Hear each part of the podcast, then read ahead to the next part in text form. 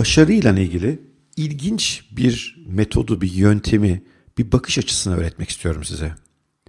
Bu bakış açısını ben yatırımcılık tecrübelerimden öğrendim. Bu bakış açısını ben inovatörlerin, girişimcilerin, başarılı girişimcilerin hayat hikayelerinden öğrendim. Bu bakış açısını ben liderlik ettiğim inovasyon takımlarındaki süreçlerden öğrendim. İlginç bir kural aslında. Kural başkalarıyla uzlaşmamaya dayalıyor. Evet, çoğu insan bize başkalarıyla uzlaşmanın öneminden bahseder. Oysa özellikle inovatif bir fikre dayalı bir büyük başarının peşindeyseniz, bir girişimci olarak, bir yatırım ocağı olarak, bir kurum içi e, inovatör olarak başkalarıyla uzlaşmadığınız bir alan bulmanız lazım. Hatta başkalarından tamamen farklı düşündüğünüz, tamamen onların zıttını düşündüğünüz bir alan bulmanız, bir konu bulmanız, bu konuda bir iddia geliştirmeniz, sonra da iddianızda haklı çıkmanız lazım. Tabii eğer başkalarıyla uzlaşmadığınız konuda haksız çıkarsanız başınız dertte. Doğru.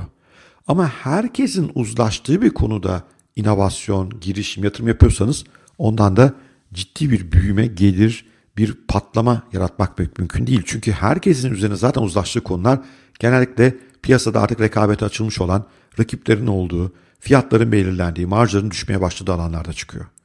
Ne zaman ki başkalarının uzlaşmadığı, hatta o iş mümkün değil olmaz, ondan bir şey çıkmaz, o işten para kazanmak mümkün değil, o teknoloji hayatta çalışmaz dediği bir alanı bulup o alanda başka bir alternatif görüş geliştirip sonra da bu görüşünüzde haklı çıkarsanız o zaman büyük servet elde ediyorsunuz. Benim mesela bu sıralar başkalarından düş farklı düşündüğüm bir konu var. E, suni.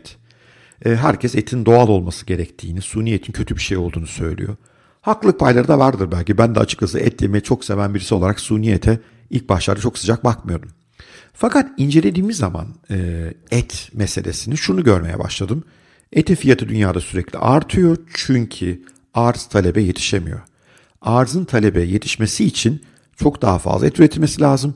O da toprak, su gibi doğal kaynaklar açısından çok sakıncalı.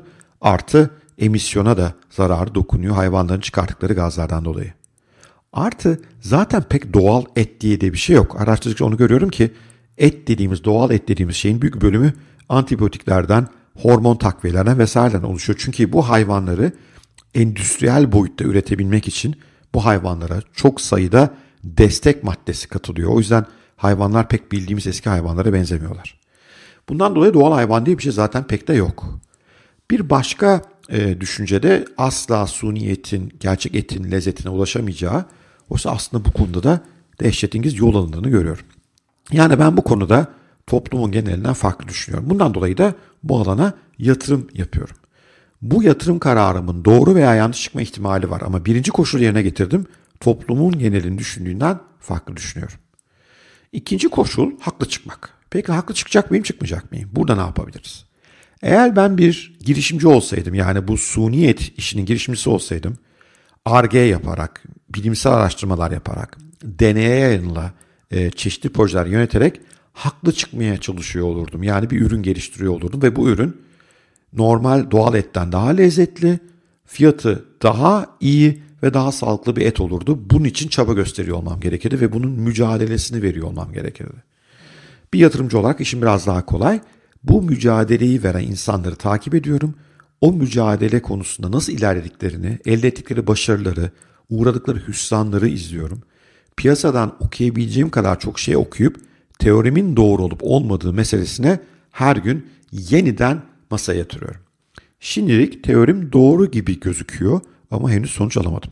Sonuç almak bu tip işlerde de genellikle uzun sürüyor. Çünkü başkalarının fikrine karşı çıktığınız şeydeki karşı çıkma oranı yüksekse yani toplumun büyük bölümüne karşı çıkıyorsanız o durumda sizin başarıya ulaşma sürenizde uzuyor oluyor. Yani buna orantılılar. Çünkü o fikrin başarılı olması için aşması gereken yolculuk zorlaşmış oluyor. Ama zaten bence işin tadı da burada. Herkes haksız ben haklıyım diye düşünceyle yola çıkacaksınız. Sonra da bu düşüncenizin doğru olduğunu ispatlamak konusunda mücadele edeceksiniz. Ya da yatırımcı olarak bu mücadeleyi verenlere destek olacaksınız. O zaman hayat güzelleşiyor. Şimdiye kadar 3 büyük yatırımımda bu şekilde başarılı oldum. Başarısız olduğum bir yatırım da var. E, onu da doğru söyleyeyim. itiraf etmekte de fayda var. Ama iddiam o ki bunu tekrarladığınız sürece ve her seferinde o yatırım yaptığınız veya o inovasyon yapmaya çalıştığınız alanda herkesten daha fazla bilgi sahibi olmak, herkesten daha fazla şeyi öğrenmek konusunda mücadele ettiğiniz sürece başarılı olma ihtimaliniz bir hayli yüksek oluyor. Geçenlerde dinlediğim iyi bir podcast'te bir yatırımcı şöyle söylüyordu. Ben diyordu yatırım yaptığım ürünlerde veya hizmetlerde toplumun en fazla yüzde birinin bilebileceği kadar çok şeyi biliyorum. Ve bu konuda her gün araştırıyorum, okuyorum. Bu benim için bir iş gibi değil, bir zevk gibi oluyor.